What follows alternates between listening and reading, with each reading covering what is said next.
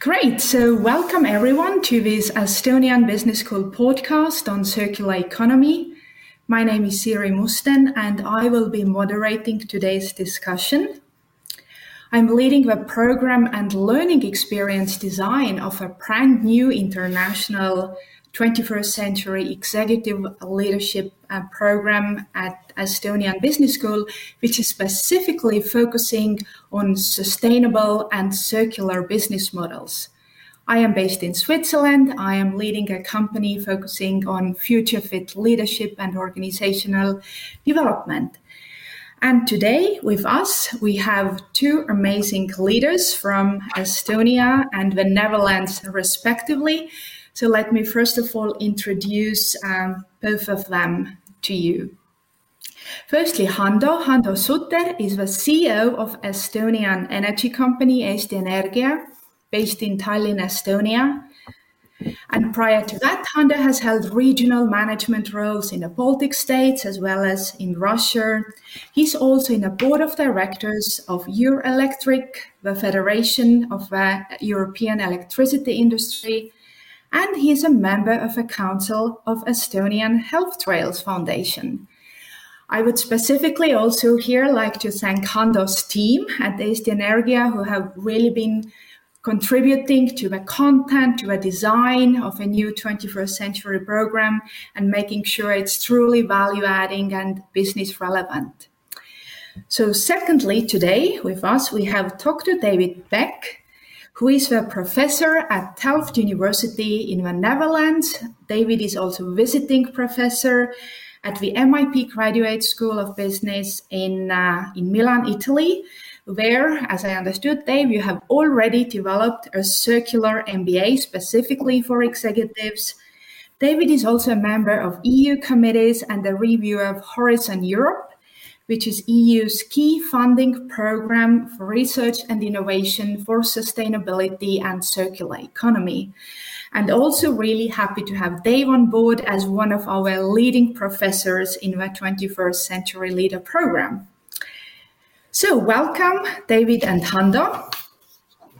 I would say I would really like to kick off this conversation more from a personal perspective because isn't it in the end it's it's not really organizations who are making the change happen. It's about the leadership. It's about the leaders. So I would like to ask each of you, why is this topic of circular economy personally important for you? Mm. Perhaps Hando, if you would like to start. Yeah, thanks. Uh, uh, uh it's uh, uh, uh, it's very simple. so we see that with every day there are more and more people on the globe because the population is growing. and another thing, everybody wants to live better, and we are trying so hard to make people to live better. doesn't matter where you have born.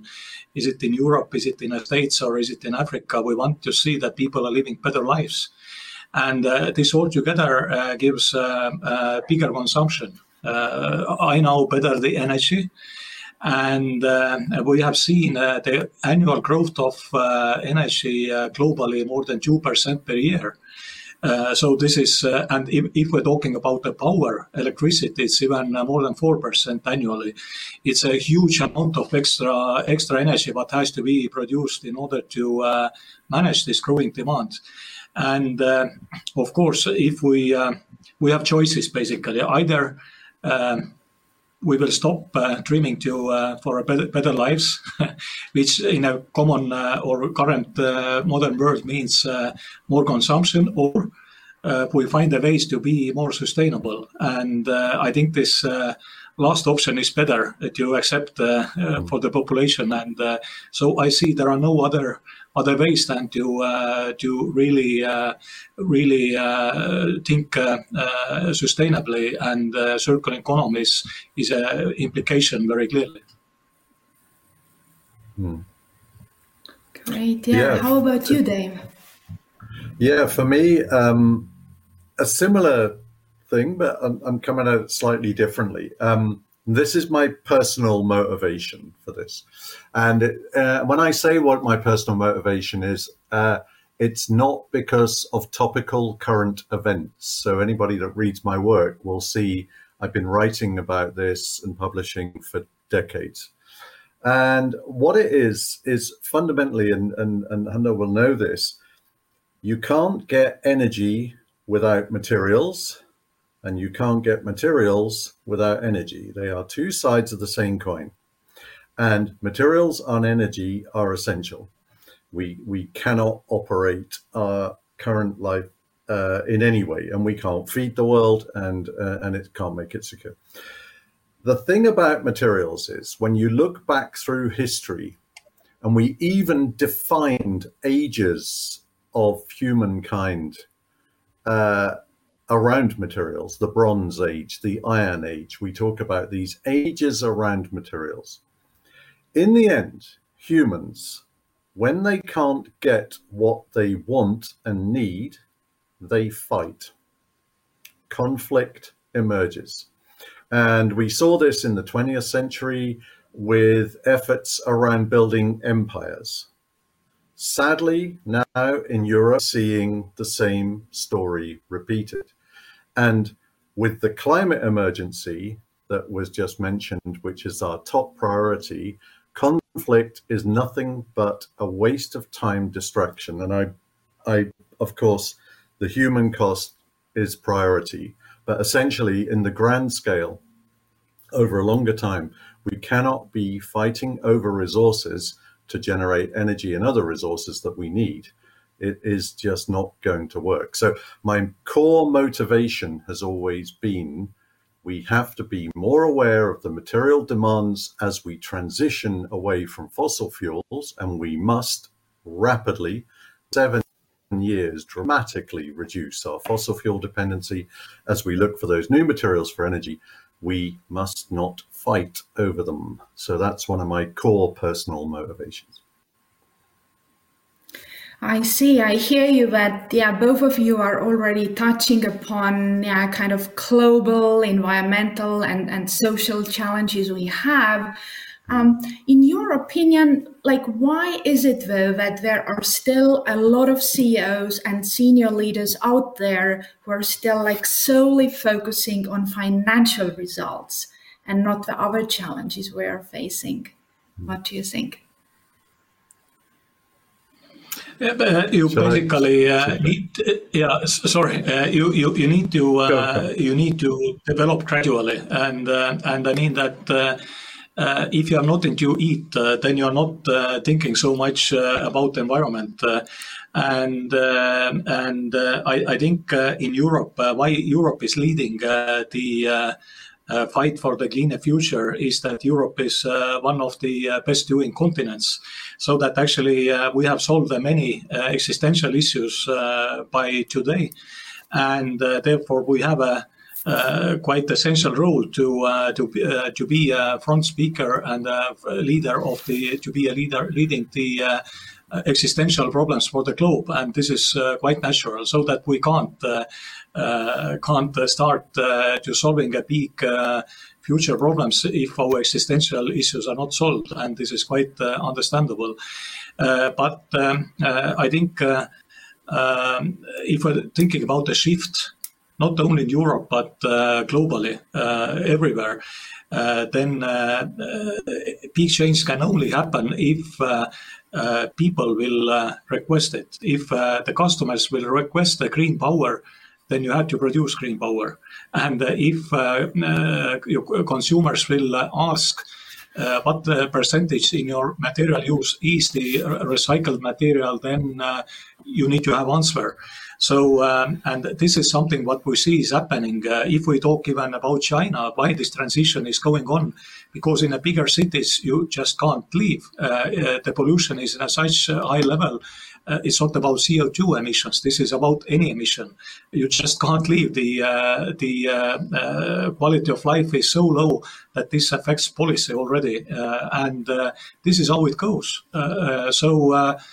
I, I, I think uh, one or other way it uh, it comes to any manager's table. But uh, why Europe is uh, is leading? Uh, this is not uh, a big miracle. It's it's a quite quite understandable.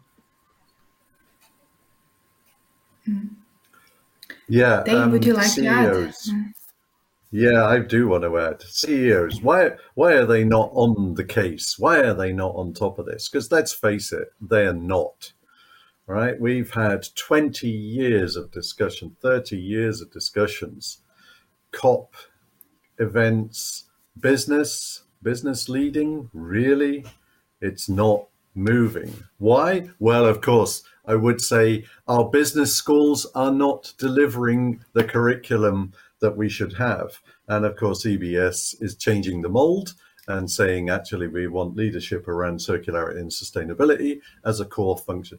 That's needed. So we do need that shift. But there's something I'll just quickly say there's something much more fundamental. So we've had 200 years plus since the Industrial Revolution.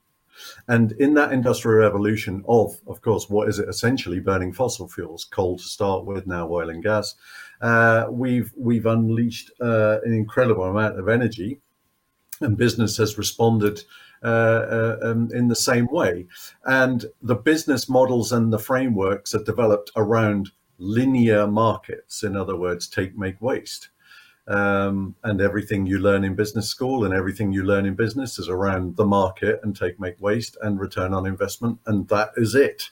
There isn't a lot more. Uh, I'm, I'm, I must be honest, I'm a bit bored with reading the business press.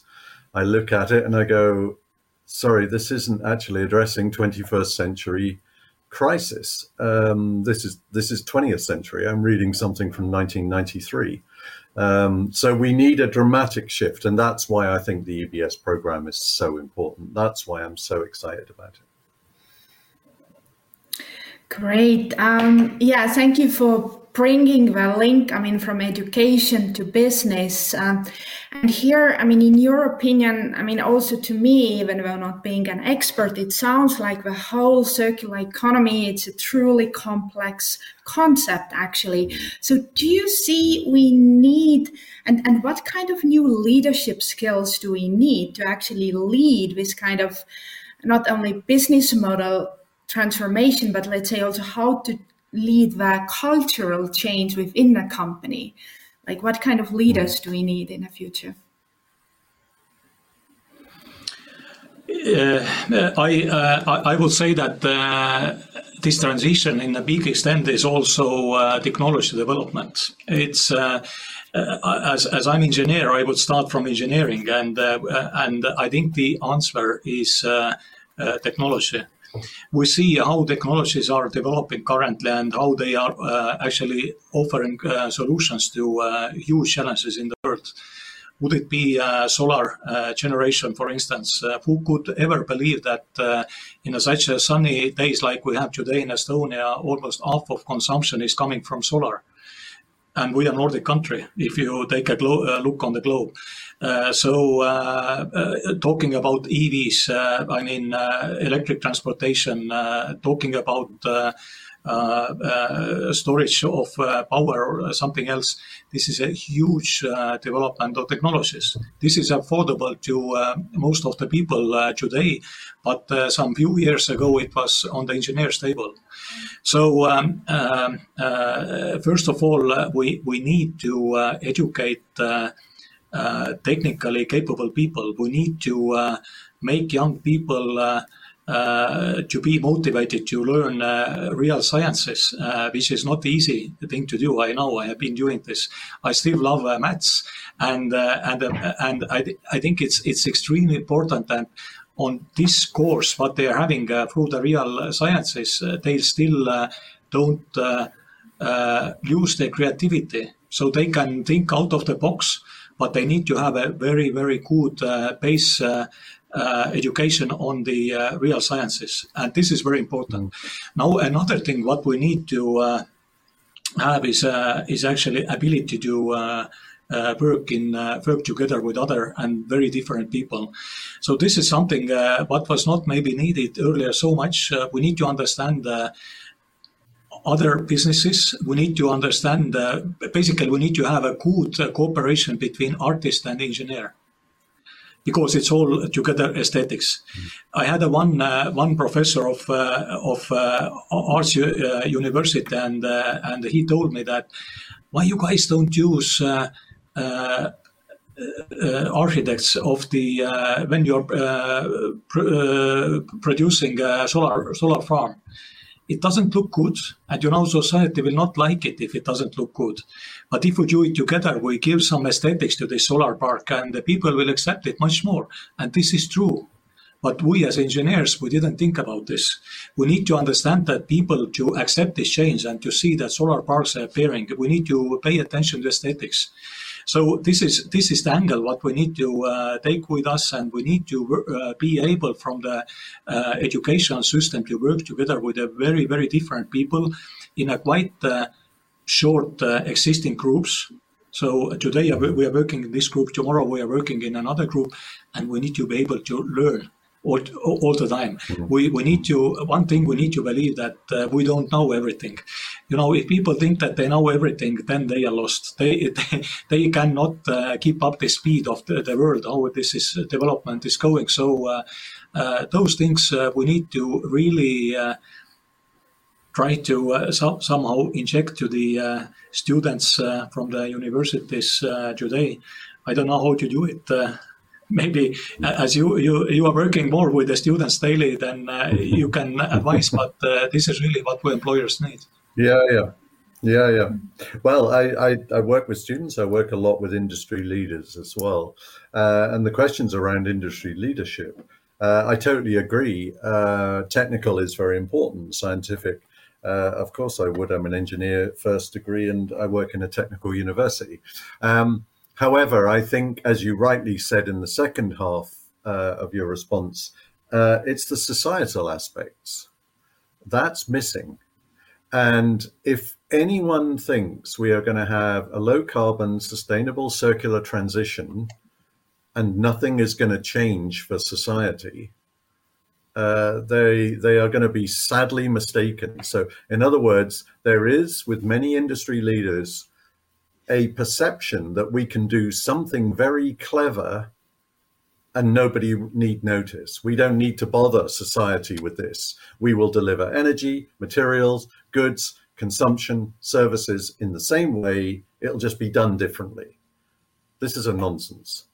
Uh, as you rightly said, society is going to have to be part of it. There is no way we have to go with 50% lower primary materials in seven years, 55% lower carbon emission, climate emissions in seven years. There is no way we can shift that fast without it being dramatically different for our customers in society uh, and also for people around the globe in the global south as well. So I think that's that's one thing. The other I would add on in leadership terms, and we've seen it in the last two years, leadership in chaos. So if anyone is under the in business leadership under the false hope that once the pandemic begins to reduce, and there's no sign that will happen, by the way, this winter, I can see we're going to have millions of more cases and lockdowns again. Uh, but once that chaos has subsided, we can get back to business as usual. And I'm like, no, you really won't. Uh, it's not just a war in Ukraine. It's not just the pandemic it's everything and it is going to go on and on and on. And it will be what feels like to the businesses and the leadership's black swan events. Like where did this come from? This wasn't in our planning. We didn't so managing a very dynamic fluid situation is a leadership skill. And the second uh, that we really have to have is an appetite for risk taking risk taking like never before trying things that normally in business as usual your business would not undertake. That's really going to be difficult because we have le- taught our business leaders to be risk averse, to mitigate and minimize risk. It's going to need massive risk taking, doing new things to, in different ways. Yeah, thank you for, for elaborating. It sounds really like leaders need a new kind of, you know, systemic thinking ability to be able to be resilient, handle the, the human, the people side of the changes. But Hando, as you also pointed out, at the same time having a right mixture of technical and artistic skills. So yeah, quite uh, quite some challenges. for the new leaders. Um, but now, um, if we go, let's say, more already a bit more on a business model level and, and organizational changes needed, I'm sure that some of our listeners um, in the background would still question, okay, it's um, it's kind of still futuristic, or it's great to talk about the new uh, circular economy business models, but isn't there still this contradiction between doing good for the people and planet? Versus financial results and and I'm curious to hear, you know, maybe Hando, even from Eesti Energia business, if there are already some examples you could name that, you know, renewable energy with, that is actually also doing good for the financials. Yeah, well, uh, maybe maybe just to the previous uh, topic, if we are coming to the organization, mm-hmm. then uh, one thing uh, I, I, don't remember even when we last were uh, drafting the organization chart. Uh, so this is like so uh, so long uh, history. it doesn't make sense to draw those because uh, uh, the process has to be dynamic. Very right, fully agree. Uh, then another thing, we have no time to write down the rules we basically hire uh, talents and uh, we hire according to the values. We have to trust massively. Sometimes uh, this trust might be misused, but still we have to trust, and and we have to work also uh, with the parts which is not even our organization. Would it be universities or partnering organizations? Uh, so uh, just for the good reason. So that so that basically uh, for the organization this is such a big uh, change. And if you don't trust then you can't uh, you will be delayed always. You can't uh, move ahead as fast as, as needed. So this is something what we feel inside organization. But uh, circular economy uh, for the business uh, yeah we have demonstrated it well. Uh, so that first of all we are now we used to be a state-owned company. Today we are listed and not just listed but we are having 60000 shareholders 60000 and we had ipo last year our story was all uh, about the uh, transition of the uh, power generation. So we, we, basically called the new shareholders to invest into our transition to a company called Enefit Green, uh, which is uh, the aim is uh, just to offer to the society as much green power as needed. And this interest was huge. And guess what? It was not from the institutions as much as from the retail. So we had a such a massive retail interest, I think that uh, the amount of investment accounts in Estonia alone, alone was doubled. so people who never had made the investment uh, in Estonia before made their first investment into this transition. They are with us. Think about this mandate. They are with us. They want to do it together with us, and this is also obligation. We have to do it. And uh, and one more interesting thing, uh, this company is uh, our cash cow by today. it's most profitable profitable unit, and uh, and uh, our plan to invest in the next uh, five years is is a more than billion euros into this transition we are moving ahead. We are the leading uh, renewable generating company in the region. So uh, this uh, and, and, how we're making our investments. This is also important. Uh, we, we we can't trust nowadays the power market because uh, we are making our investments for the 25 years to the future. And the power markets, as we see, are very, very politically uh, affected. So we don't know what is the policy, policy after the uh, next ele- elections. We need to have something more viable. And uh, actually, what we have done, we have been selling long-term power contracts to businesses. Some more than 1,000 businesses across our markets, they have been signing long-term power contracts, and against those contracts, we can invest a new wind park. So this is again, uh, if we think uh, socially, what this business model is, we are fulfilling our vision about the greener future, uh, it makes a nice money, and we have a huge mandate from our shareholders. So it's like a win-win-win. It's fantastic. So mm-hmm. uh, I think this concept is very well proved in nowadays. Yeah, sounds very encouraging. Uh, thank you for sharing, Hando. Uh, how about you, Dave? Are you perhaps following specific industries or where you have also insights into, yeah, what kind of impact, financial impact, mm. have circular business models had? Yeah, I think one of the first, yes, I have, and I'll, I'll talk about that. One of the first things to say is um, financial return over different timescales. The whole challenge of shifting to a more sustainable circular economy is one of time. And what we're trying to do at the moment is using the time frames of business uh, in a linear, unsustainable fossil fuel based economy, which tend to be quite fast. You can move along. So, in other words, you build something, you sell it, you get revenue. You pump oil or gas, you sell it, you get revenue. It's quite a fast transaction in a circular economy, and and you were just talking about wind turbines, for example. You install wind turbines. You well, first of all, you got to get the materials, have them constructed, install them, and then you talked about a 25 year. And then I'm like, well, the life of that wind turbine. What was the plan? Oh, we didn't have a plan. We'll just buy some more wind turbines. And like, no, that's not circular. It's low carbon energy generation, but not circular. So the wind turbine should have been designed for life after life after life after life. Now, if their lives are 20 years, you're designing for 60, 80, 100 years.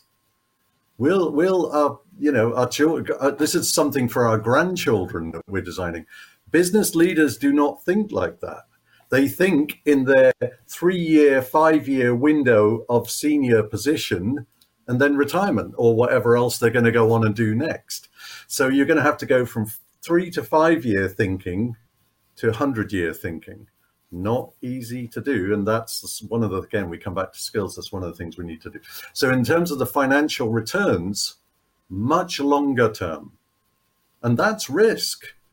If you know you're getting your money back quick, that's much nicer. Return on investment, you know, payback, break even. We like all those things. But when you're talking about 20, 30, 100 years, it's much harder. Um, so I think that's one of the big things. In terms of sectors, uh, what have I been interested in? I'm very interested in um, equipment that can be remanufactured. Um, when I talk about remanufacturing, I don't mean refurbishing or repairing. No, I mean they go into a factory, are stripped down, rebuilt, as good as new or better than new in a box with a warranty for a full service life again. So that's remanufacturing. And again, not very well understood. Only 2% of Europe's manufacturing is remanufacturing. So all the wind turbines, all the solar PV, uh, all the buildings and construction, the systems in buildings, all our uh, mobility, our low carbon mobility, digital. I'm very interested in electronic and digital. Uh, all that equipment infrastructure, the uh, grids for power, all of that that we're going to build has to be for life after life after life after life, not starting with recycling. Recycling comes at the end, product life extension first. So that's where new revenue and values are going to be found, but they're going to be very long term, very different, and very complicated constructs with a lot of stakeholders involved business is not used to this either. Business is relatively simple. Nobody in business, I've been in business, nobody says it's simple, but actually the new business is going to be even more complicated than it is now. Yeah, but uh, yeah. I, I, would a little bit, uh, I would little bit uh, to uh, oppose here uh, as uh, last year we were actually concluding lab level tests so far, but we are preparing industrial testing. You know that how many blades one turbine will use during the lifetime. Do you know? Mm. Yes. Yes, I do. It's more We've than been doing one, research for sure. Maybe, maybe, yeah, yeah, maybe yeah. three even. Yeah. But but what is the what is the blade made of? So it's a it's a it's a fibers and it's a, it's a polymers. It's a, it's a uh, petrochemical. Yes. So basically, uh, uh, we made a test as we are running also the uh, industrial level pyrolysis units in Estonia, which is uh, part of our old uh, fossil generation, uh, fossil oil production. then we think that our technology will be good to recycle chemically those plates. We have uh, we mm. have gone uh, the testing successfully, and we wanted to use this outcome as a fuel for the marine traffic. But now we have been partnering with some chemical groups from Europe, and they say, please don't burn it, but let's clean it to polymerization again because where we see the biggest growth of the uh, uh, oil in the world in the coming decades is uh, petrochemical industry. So basically, what I want to say that uh, we can uh, use the uh, waste of the uh, uh, blades from the wind turbine uh, after chemical retreatment back to the polymerization.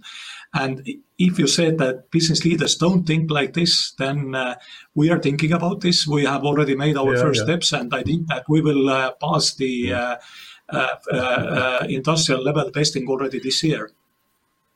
Mm. I know. Yeah, you think like that. That's why you're on this call. That's why you're. I'm talking about mainstream business that I work with. Uh, we have a lot of work to do with those guys. Great, yeah, and uh, thank you, Dave, also for elaborating and uh, broadening, you know, the whole concept of circular economy. Uh, what I also picked up from a previous uh, answer from Hando as the topic that is very close to my heart, you know, the organizational internal design. And, and you also mentioned that also Eesti Energia is looking into a, a new kind of model more based on trust than hierarchy.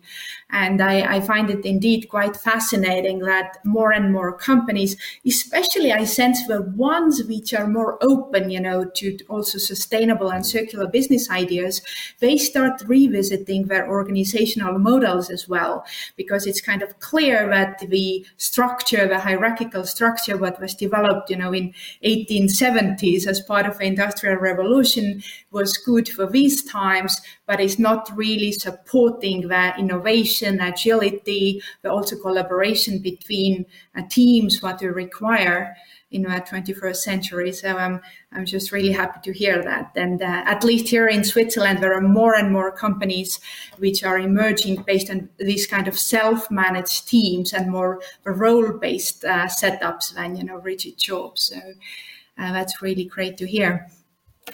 But I would like to continue, Hando, based on the big ambition I know that Eesti Energia is having in terms of totally stopping the oil shale uh, production by, I believe, 2030 and becoming totally carbon neutral by 2045. So maybe you can share a bit more, like what are the the major milestones, um, what you are working towards, perhaps the changes you have already made, and also what, what are the main challenges you are facing on this journey? Yeah, exactly. Actually, our mission is to uh, that we are on the journey to zero, uh, and uh, and it is very important. And this ambition is not uh, to reduce our own emissions, but we want to be uh, leading our customers journey to zero. Because with our customers uh, most of their emissions are coming from energy or is en- energy related anyway. And uh, we know about this field much more than they do. So our ambition is bigger. We want to uh, take uh, all uh, of our almost 1 million customers with us and uh, go together on this journey to zero. So we have been actually for this we need to know our customer business much better. We need to understand their ambition, how, how fast they want to go, and uh, to uh, advise them how to do in order to uh, be sustainable both environmentally but also in a business wise. Uh, so uh, we announced uh, this ambition last year, and actually we ha- we met a huge interest. It was much much bigger than we ever expected. So. Um, uh, this is changing business models. This is actually innovation, which uh, we are doing together with our customers. Uh, we understand them much better. Actually, this uh, cooperation has become much more excited, exciting, and uh, and yeah, it's a, it's a, it's a, and it's also actually brings new talents into the organization because people outside organizations see that this is something they would like to be part of they see that we are on the journey to zero with our customers and they want to join this journey. So that uh, uh, this is also important nowadays, maybe even most important, how attractive you are for the new talents to join the organization. And here I can see that actually uh, the shift has been also big because you think from, from where we are coming, we are more than 80 years old organization. We are not any startup. And normally those old organizations, they are having kind of DNA uh, and this DNA is um, different than we uh, than we see today. And uh, and you, you, need you need to be proud about your past about your history. You take what is useful from the history but you need to be able to change. And you need to be able, uh, able to change your DNA which is uh, almost impossible so you know that organization is very hierarchical from, from, from this area. How the power station was managed uh, 25 years ago, it was uh, almost military organization. So now we are we are changing all of this, and we want to uh, uh be. Um, innovative. We want to be dynamic. We want to be fast. We, we are competing with the startups and uh, and the tech companies mm-hmm. for the talents. Uh, it's uh, it's something where we have to transform as organization massively. And this is not just we show up that uh, because the startups they can just they born, they innovative and they are fancy as organization, but uh, we have to transform because everybody knows what we were 20 years ago. Now we have to be something different and we have to demonstrate that we are because we have no credit here. we have to we have to be very clear that we are changed organization. Yeah, uh, but it's it's it's interesting. It's it's extremely interesting journey. Great. Uh, can I just follow up here? I mean, just coming from Estonia myself, and I, I do know that you know our our winters have very little daylight, and there may also be some days, you know, no sun, no wind, and you know, just to challenge this a bit. Uh, what is your plan? Like, uh, how or are there still maybe other ways to produce uh, renewable energy? What I can't think of. You, know, uh, uh, you know, it's uh, it's uh, it's about technologies again because uh, uh, the oil shale is a material, and here I'm with Dave fully. It is material, and we don't know after hundred years what our grand grandchildren will say. Are they proud that we were using this time oil shale, or they are a little bit think that why they use this time because now we have much better technologies to use this material because oil shale is different than coal or uh, lignite uh, because uh, you can produce chemicals out of the oil shale. You don't need to burn it necessarily because burning is a extremely low efficiency, a lot of emissions but the material is still there. We have to investigate and see what we can do, study what we can do with this material. We can implement new technologies, and what we are doing now, we are using pyrolysis.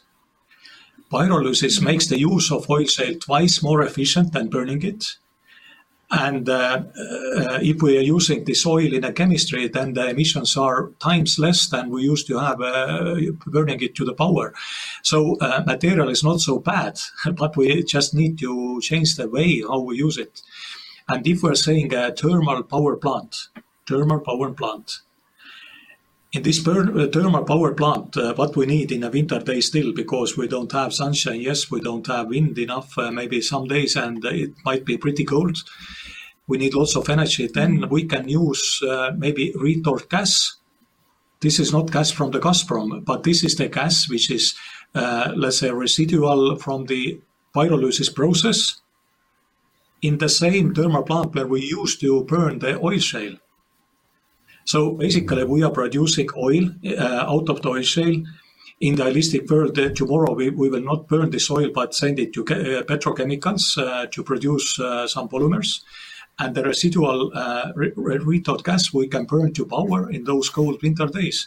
So this is just an example how we can basically use the same technology in different way, use the same material in a different way, and the outcome is much better. There, there are yeah. many ways we can. There are many ways we can generate energy. Many, many, many, many ways uh, without burning mm. fossil fuels. Quite right. Um, and I won't go through them all now. But that, one of the things I do know is, is, like circular options for materials, you need as many as possible. The other thing we've not been discussing, and this is again where society comes in, and, and companies and factories, is using less energy dramatically reducing the uh, getting it down over 50, 60%, 70% lower. For energy companies, if, if energy demand was 70% lower, it would be great news because then all the strategies they have for generating renewable power would work. Uh, it's energy demand that we also have to look at, uh, as well as supply. And it's the same with materials. Mm. It's demand and supply. This is the problem. The world is demanding more, and especially the critical materials that I research, vastly more mm. than we can supply in time. So it's the rate of supply. Does the earth have enough materials? Are we running out? That's not what I'm discussing. I'm discussing how mm. much is demanded over what period of time. And that we have real challenges with. We cannot do it in the current plans we have. That's not a political or ethical position. That's the maths. The maths tell us we cannot do it in the way we're doing it now. So we're back to leadership again. And one of the things uh, we didn't mention earlier on, and you, you asked me actually about students. Uh, students are wonderful. I love them dearly. Uh, but in terms of leaders, we take 10, 15 years, 20 years before they are in a leadership position if they graduate. So now, uh, what we put in the curriculum right now for younger students, it takes a long time. We've got to focus on staffing companies now. We only have seven years. We don't have 20, 15, 20 years to get them into leadership positions. So we need the leaders now to be dramatically upskilled with these knowledge that we're talking about in this call. And I think that's again what our program is looking to do. Yes, this is hopefully exactly where we practical executive education programs uh, uh, pop in.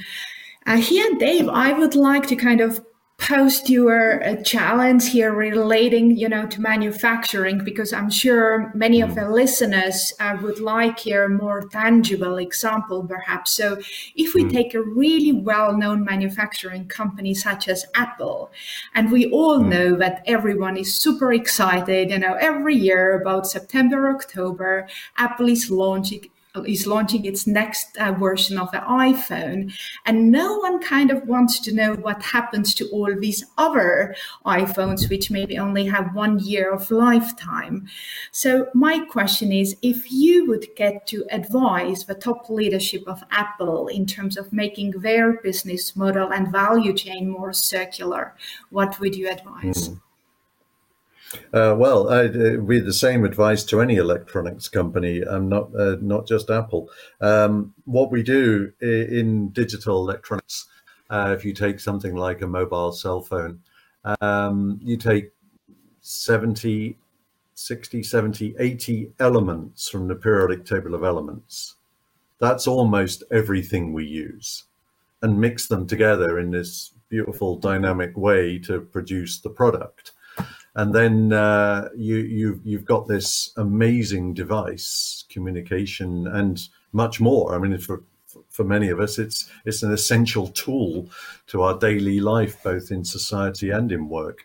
Um, and uh, we design it for such a short life. We're back to time again.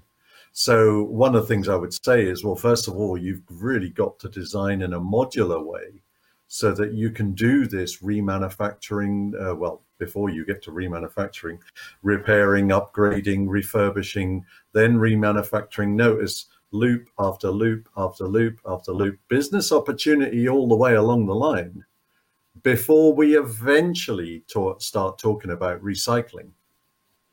Recycling with a, a complex tech product like this is, is very difficult we we make things smaller and compact and mix them all all these elements all blended together in this very elegant and exciting way getting them apart is difficult to impossible. So when we list, look at this mm-hmm. list of materials which have severe supply risk and high economic importance, these are the critical materials. They are very difficult to recover. Now, I would turn to any tech company and say, your future relies on these materials, not just today, but tomorrow. If you don't have them, or the cost and the delivery is the lead time, how long it takes to get stuff, that's what's going to kill business. You'll get it eventually. You expect to have it in a month. You're going to have to wait 18. You'll be bankrupt in 12. You won't survive. Right? You can't run factories with amount of investment. So you're going to have to look at securing your own supply chain in an elegant way, in a way that you haven't done before. Just relying on new components getting shipped from the other side of the world is not going to solve it. So I think I think those are the mm. sorts of things I would say to electronics companies, not just Apple, to all of them. Mm. And some are okay. some companies are moving on this. I can't comment on the latest move, but uh, other companies are as well. They are moving on this. Okay, yeah, this is really exciting. So it sounds like a lot of opportunities are out there, which most probably have not all yet been uh, used. So both of you, I heard that before also a little bit touch basing upon, you know, a new stakeholder orientation approach to business. And and I'd like to hear from both of you if you can perhaps elaborate and give a few more examples, like how is your company or Dave, you know, in your favorite industries, how do they include the various stakeholders also to the product, uh, let's say innovation, uh, to find new solutions? So here thinking about, you know, employees, clients, suppliers, maybe similar field organizations. Um, so yeah, any examples you would like to bring in here? Maybe uh, maybe one uh, simple thing that we, we were uh, starting some four years ago uh, when we understood that actually our organization from inside we understand it, but from the outside it's like uh, uh, mystical box so that you can't get in. if you want to give your idea to your organization, you have almost no way, and we have to be much more open we want uh, we, we want to be much more attractive for the good ideas uh, would it be from inside or outside. And we have to be very clear that we are not the uh, most uh, the smartest in the world uh, we need uh, any good idea. And then we started from the very beginning. We create, created the idea hub. And the idea hub works like this that this is a kind of mechanism inside the company how we handle the ideas what we are getting because if you don't have this mechanism, uh, then ideas are disappearing. So this is a, a group of people from different uh, parts of the organization. They uh, come together regularly and they go through any ideas what the organization has uh, received. And how we get ideas, uh, we have a, a email address, ideas at enefit.eu. So anybody can send, and we are promoting it everywhere. And uh, every anybody can send idea. Would it be from inside or outside? How we can move faster on this journey? And uh, this uh, uh our group is coming together regularly. They go through those ideas, they make a first selection and filtration, and they put it forward. And by, by today, we have already implemented uh, a few of those ideas. We have made the investments based on those ideas. We have uh, uh, and, the, and the number is more than 1,000. We have uh, by today more than 1,000 ideas, uh, what we have been uh, analyzing and um, let's say some 60% are, are from inside but 40% are outside of the organization. Very very wide range. So uh, um, we have created the uh, accelerators on the ideas. Uh, so where we basically take a group of people, even if they have idea, but no idea, uh, uh, no idea how to execute, how to go ahead with those ideas. Then we actually put the accelerator team uh, to work with those ideas and take it further. And uh, some of those groups are going even to the execution of the same ideas. So this is just a one thing how we we had a challenge. We understood that uh, we are protective for the any good idea and innovation. We have to be open. How to open? We have to say that we are now open. We are welcome, welcoming any good idea, and we did it, and it works fine still. Hmm. Yeah, um, stakeholders in business. I think uh, I love I love the, your expression, Siri. It's, it's, a lovely expression. Uh, how do we uh, use this stakeholder approach? I, I, totally agree with that. I think um, I'm always reminded of the famous quote by Milton Friedman, uh, that famous 20th century uh, business guru, who said, uh, "The business of business is business." So, in other words, there are other stakeholders and other players the market will figure that all out. Whether people buy things, uh, products or services or not, the market will decide. I think that type of thinking is firmly gone. Um, one uh, group of stakeholders, which I see the beginnings of a transition with many companies, but they're, they're uncertain, is policymakers. So in traditional business, you would say, well, the policymaker framework the rules, the regulations, the incentives, and uh, the tax, and everything else, uh, knowledge and skills in society, whatever it happens to be. Um, that's the environment in which we operate. That's just how it is. And we manage our best. And then what we'll do is form lobby groups and we send them to the European Commission in Brussels or we send them to our member state governments and we lobby them and try and nudge them this way or that way. And that's that's very traditional business approach. I think uh, we're going to see a lot more where policymakers and companies uh, are going to have to come together to find complex solutions in the way that we had to have had to during the COVID crisis, in the way that we're having to do with the war in Europe. Um, that we have to sit down together and go, the companies go, we want this, this, and this. And yeah, you would say that because that's just in your pure interest. You have to think of the interests of society of the government, of the state, of the European Union, of different stakeholder groups, and what's the trade-offs that you're willing to make. And that's that's an interesting conversation. One other group, and I put it in the chat um, with, and I love this idea, and you were talking about it earlier on, with bringing together art and creativity with engineering and technology and science. And uh, there's an initiative called the New European Bauhaus, and I like that idea where we bring in thinkers who think differently, artists, creatives, makers in society, and they think differently. I think we need different thinking. The challenges are so big, we need creative thinkers. Great. Yeah, thank you both. I'm sure it gives leaders some ideas in terms of also not only, you know, how to not only focus on your organization, but how to truly lead in the ecosystem. And uh, I hope our listeners could uh, note the email you were sharing, Hando. So perhaps over the next weeks, you will also receive additional ideas internationally. That would be great. All right. So I would say let's now shift truly uh, on the global level of this challenge in um, circular economy and and we have touched basing a bit on these topics already. But now again looking uh, at this so from really truly from a big picture in terms of the global economical social environmental challenges we face what would you say what is the most critical challenge which we would need to tackle most urgently as a global business community I, I, I guess what Dave was mentioning is is uh, something what we are uh, forgetting very often. Uh, this is uh, we need to save uh, and we need to save energy.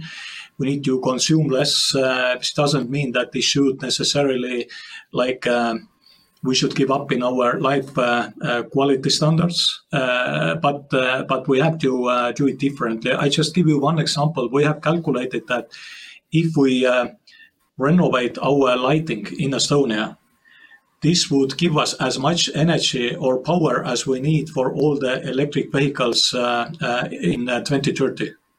So basically, uh, we still have the same lighting. We have shifted on the transportation to, from fossils to electric, but we are not consuming more power because we have saved the same amount of power from the lighting just of uh, using modern technologies. So, uh, uh, so this is so important. Without uh, thinking truly how we are consuming, and is there anything to do to consume less? We can't do it. Uh, it's it's not doable because uh, first of all the materials. It's it's very very much right. Everything comes to materials. If we produce something new, uh, we need the materials so that we need to change the way how we are consuming and uh, and we can do it in, if we do it clever ways then we are not giving up on the quality standards uh, of our life.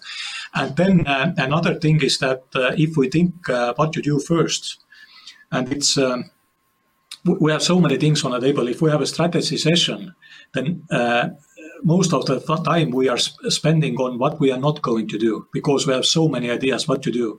And then what, what is the filter? How it works there are two elements. One is that uh, this uh, this should, should bring uh, essential change, so that uh, it will change something essentially in business, in a life, in equality, in circular economy. And another thing, it must be doable. So it, if we if we have idea and we have no idea how to do it, then it doesn't make sense. So, and if we put this filter with two criteria uh, or two scales, basically, that okay, uh, it should uh, trigger um, uh, change, this uh, effect uh, has to be maximum and it has to be doable or we, we know how to do it. Then actually this uh, narrows down the the choices mm. and uh, takes us really a big step ahead and this step is happening. So that this makes this uh, decision making much more easier and this is exactly what we can do as a group of people working together on this journey because if some other people coming together what, uh, together what they can do maybe their choice is different and all together we keep it going and uh, we really make those steps which are so necessary to make hmm. yeah the the global dimension um, over the late 20th century into this century business discovered or rediscovered perhaps the opportunities of globalization.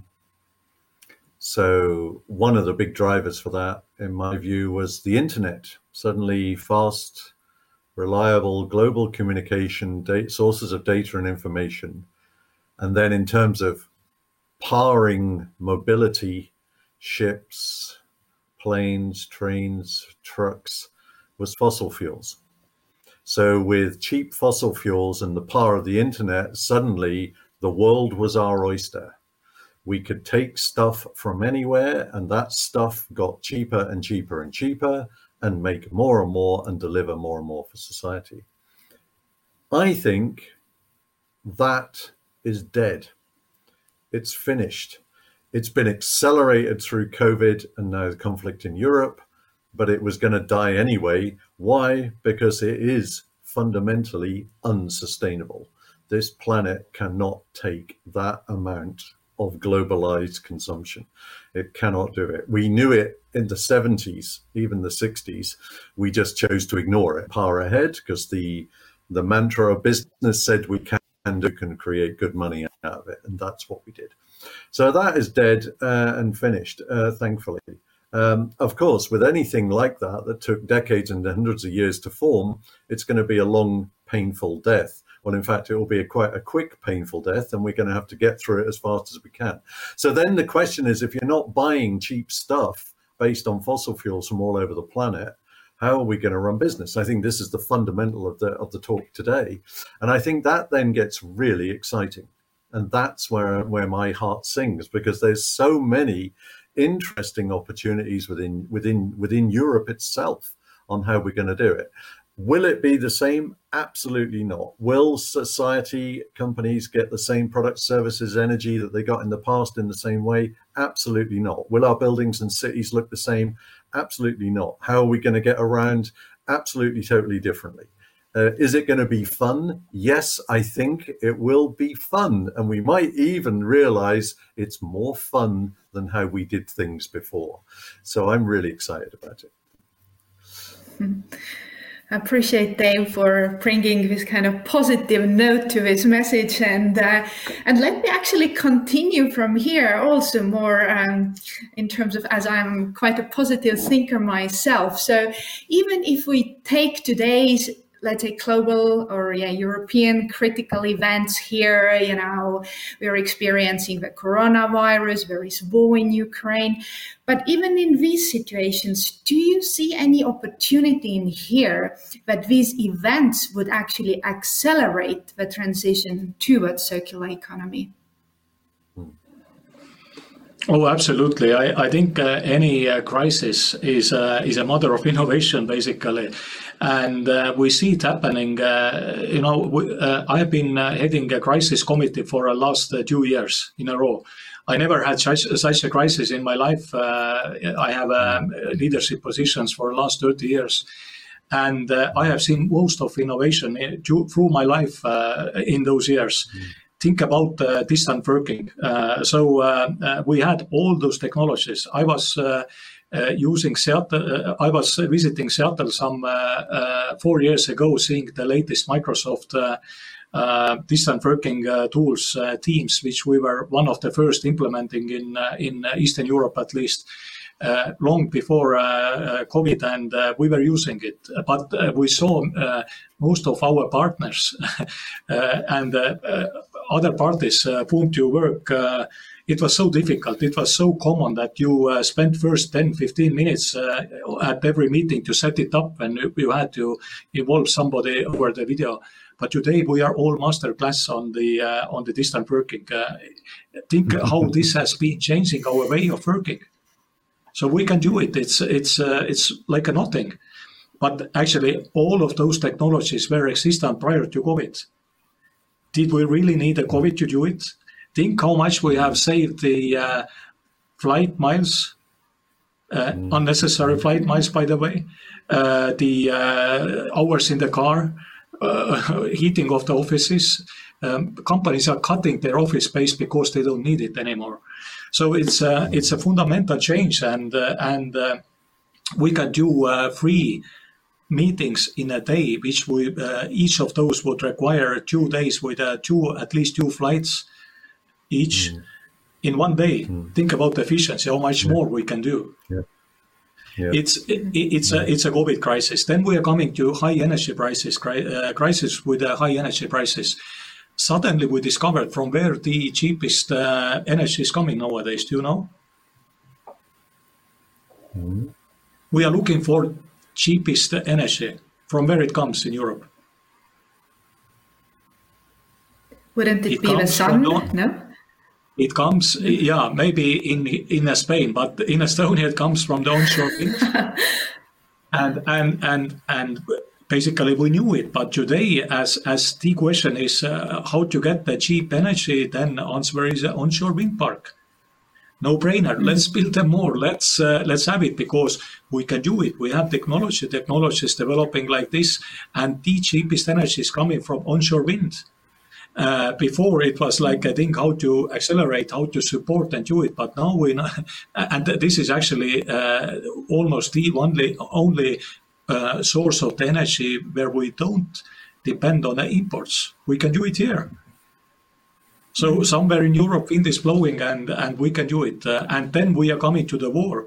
Uh, so uh, uh all the supply chains are disrupted. So uh, uh, was it global or was it less global? But but let's say most of the supply chains don't work. So uh, uh, we suddenly get to know uh, our partners, supply chains, from where the material is coming. If they are building the component, from where the material is coming, what materials they're using in this component, from where it comes, why this is disrupted, because this is essential. We need to know it. And you know, suddenly we understand that uh, how many partners do we have, how many materials are there, what we are dependent.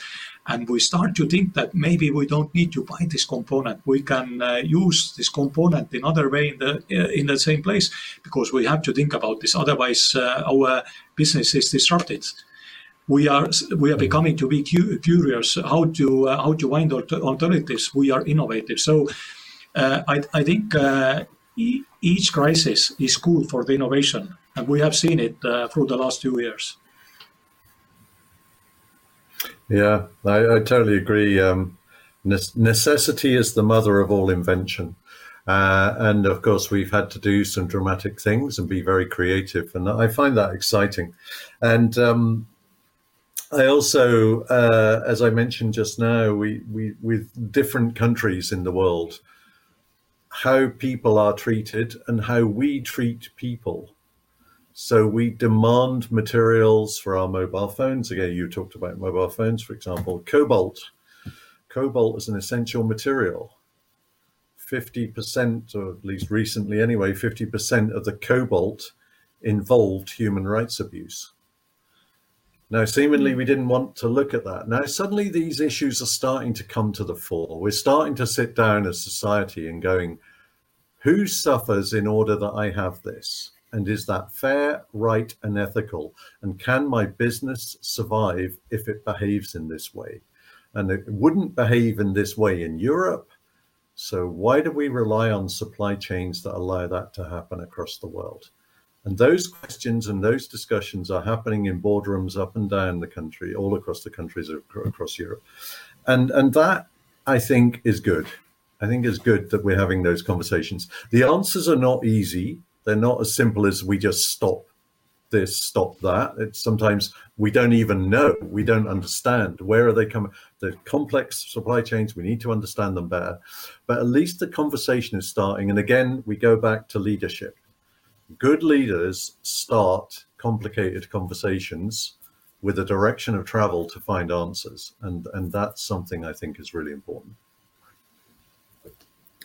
Right. Um, and now, can we can we still give like some examples on a European level, uh, perhaps in terms of regions or countries, like who have made most progress in terms of you know transition to what circular economy? And maybe Hando, you have more of a, the figures in terms of renewable energies, and and Dave can comment in a more uh, general way. Mm -hmm. Yes, uh, we actually want to uh, think uh, the way that Europe is uh, leading uh, this way, but actually, uh, the reality in energy is that actually Asia is doing nowadays 70% of the global renewable investments. And Europe has been lagging behind a few years in the past now. and maybe this is going to change now on the obvious reasons. But um, uh, but if we think in general, then uh, if we if we think about energy, then we should not uh, think about uh, power alone. We should think about transportation, liquid fuels, uh, heating, uh, cooling, and so on. So that more than seventy percent of the European energy is still coming from the fossil sources. And uh, I don't know the last year numbers, but uh, prior to COVID, uh, still the globally the energy consumption was growing faster than the generation of the re- renewable energy. So that basically there was even no theoretical chance that our dependence on the fossil sources is uh, is uh, reducing. So um, uh, here today again we have a crisis we want to uh, dramatically reduce the dependence on the gas of our economies. And this is good because now we think uh, about alternatives. And the gas is cleaner but still fossil. And also, uh, it has been creating uh, unnecessary dependence uh, to all European economy. And now we think electrification as alternative. So, um, uh, if we electrify at least uh, some essential part of the current uh, gas consumption, and we do it with uh, uh renewable power, then this is uh, solving many of those challenges. So, and I think that this will boost really the transition in Europe. I think we needed actually two crises high energy prices, huge energy prices, and then uh, this uh, this terrible uh, uh, fight in Ukraine. So uh, so mm-hmm. and and now we see that actually we are planning on a highest top political level the change. And politicians are really making how to push this change and really how to go for it. But actually, we had all those tools available prior to those crises.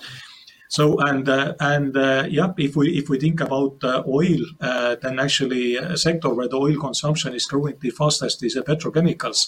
But if we think about our clothing, I don't know mm. exactly. I don't see what you're wearing, but uh, you know this uh, this is not the pro- probably it's it's not cotton. It's not even wool.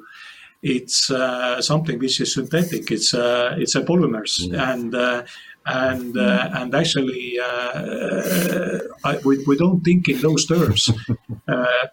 where the oil consumption is growing the fastest is a polymer production, which is including our clothing, and then what is the what is happening to this clothing after the useful life. So, uh, so uh, mm-hmm. if we think how to uh, uh use those polymers back to uh, raw material, maybe through the chemical uh, retreatment, then this is something we should think and keep in mind. Because, yeah, we used to think that if we if we drive less, then we reduce the oil consumption in the world. But actually, we are wearing the the petrochemical product. Mm. Yeah, in terms of places, you asked the question in, in locations. I'm going to pick mm-hmm. three seas to help me navigate around Europe the Mediterranean Sea, the North Sea, and the Baltic Sea. So if you take those three seas and then go, okay, so what's going on in terms of circular circular economy initiatives mm-hmm. in the North Sea? We uh, within the I'm talking just within the European Union. Uh, uh, the UK, of course, is very busy but outside the EU now. Um, but if I look at the North Sea, we have Netherlands, Belgium, uh, two two hotspots of circular on that sea, and then of course the Nordic countries and Denmark and Norway are very busy uh, uh, on the, on the circular Denmark in particular. Then the Baltic, we have Sweden, Finland, and now of course the Baltic states as well, which is exciting. So I see some hotspots uh, definitely in the Nordic countries across there. And then across the Mediterranean, I look at Catalonia region, I look at northern Italy as particular hotspots where I see a lot of activity. Um, often an interesting combination of policy, universities, and research and companies. It's where that sort of triple helix comes together that you see real activity and action taking off. Uh, and, and as said before, not just startup companies, but they are exciting too.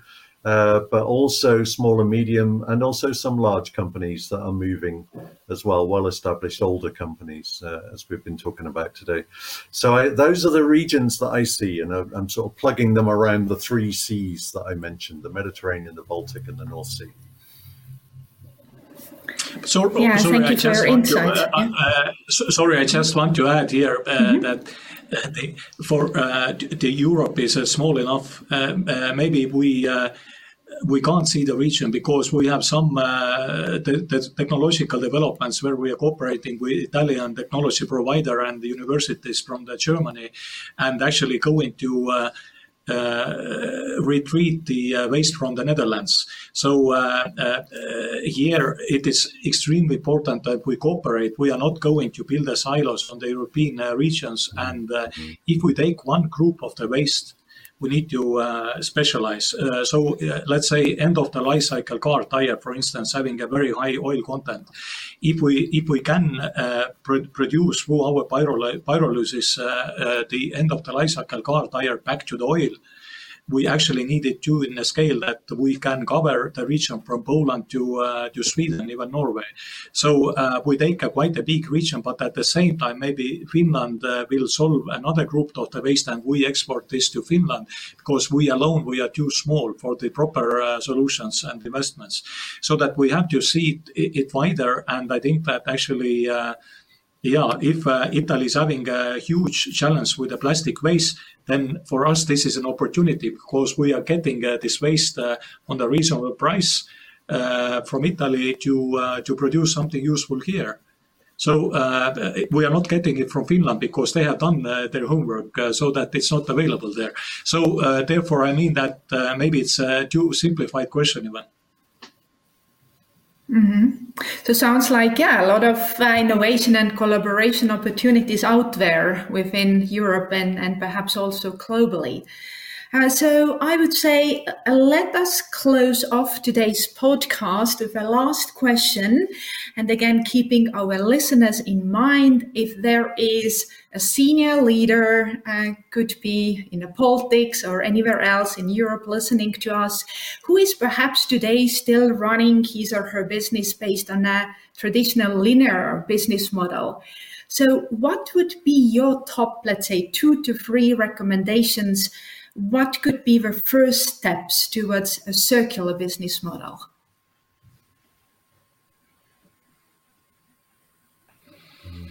I I guess you should uh, think much wider than your own business, first of all. So um, I, I, was talking to one university, and uh, and there was a, a, leader who was res- responsible for the um, carbon neutrality. And actually, when I was asking what uh, this person is doing, then the answer was that I'm seeing how to reduce energy cons- consumption of our campus. So I think it's uh, the, the, scope is uh, absolutely too small. Uh, if if we are uh, the university, we have to see it uh, the scope much wider. So uh, let's say if we are a bank, we can't see how to let's say uh, uh, this is also important, but always uh, put the waste to the different uh, cans. this we have to do as well, but we have to see how we are building up our financing policy to direct it more to the investing into the transition and so on. So that basically we, we, we have to see our mission much, much wider than just our business we are doing inside our organization. We have to see our role in a society and we have to define uh, what we can do with our capacity, with our knowledge, with our expertise in order to uh, really to uh, keep society developing uh, to the right uh, direction. So uh, this is so important, and and yes. we, we said it earlier already that first of all, our consumers will want to know it sooner or later. Most of uh, them they do already. If we even don't ask them, actually they want to know what we're doing. Another thing, our uh, colleagues they want to see that uh, we are having a mission in the world, and. Uh, uh, let's say more and more people, especially younger people, uh, they want to know what is the mission of this organization, how we are contributing to the society, and all in all, it's as it was said, it, this is fun. So if we really have this journey, we have agreed uh, that we are on this journey. Uh, then every morning we come uh, to the office. Uh, uh, we know that we have mission here. We we have thing to, a big thing to do. It's not only about money, because money is a is, is a is a is a tool, uh, one of the tools. So it's it's not everything. And and finally, if we do the right thing, we have motivation high both of our own employees, uh, stakeholders, uh, and customers, then money is a, is a is a consequence. I I would have three things, three things the leader should do.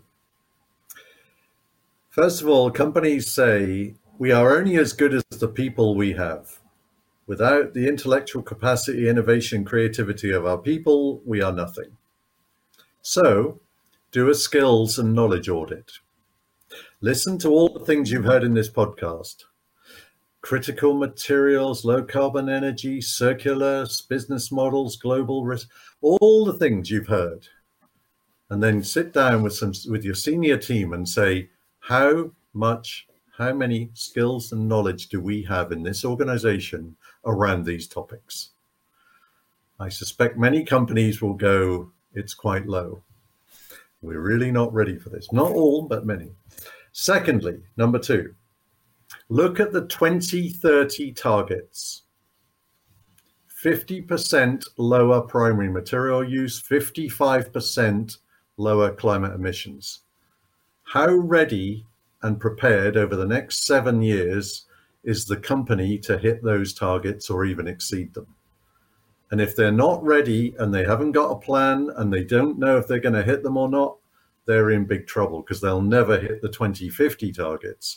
And the chances are regulation and policy will shut them down because we just won't allow those companies to c- carry on operating. Number three, what will happen to the business if we just carry on as we're going now? Again, over 2030, 2050 time horizons, what's going to happen if we don't change? I think the answer they will come to pretty quickly is within about the next five to six years, we will be finished. We'll exit business. So hopefully they do those three things and come to the conclusion some change is needed. Thank you both, and uh, indeed, and and even if they don't know how to figure out this plans or or a stakeholder model and a beyond profit purpose in their company, of course, on behalf of Estonian Business School, I would also love all of them to join our upcoming program, which starts on the 22nd of September 2022, specifically focusing on circular business models. However, we will be also tackling this topic exactly like in our podcast today, you know, starting from self leadership, systemic thinking, then covering the new organizational models, innovative business models, and then talking more about how do you lead on an ecosystem to truly have a beyond profit positive impact on this earth. And uh, we are happy that uh, David is going to be there. We will actually go and visit five different countries within Europe. We have the best lecturers and uh, inspiring uh, CEOs with us. So if you're interested, uh, check us out. Uh, the website is ebsexecutiveprogram.com. And with this, I would like to say very much big thanks to both of you, Hando and David, for joining today. Thank you. Thank you.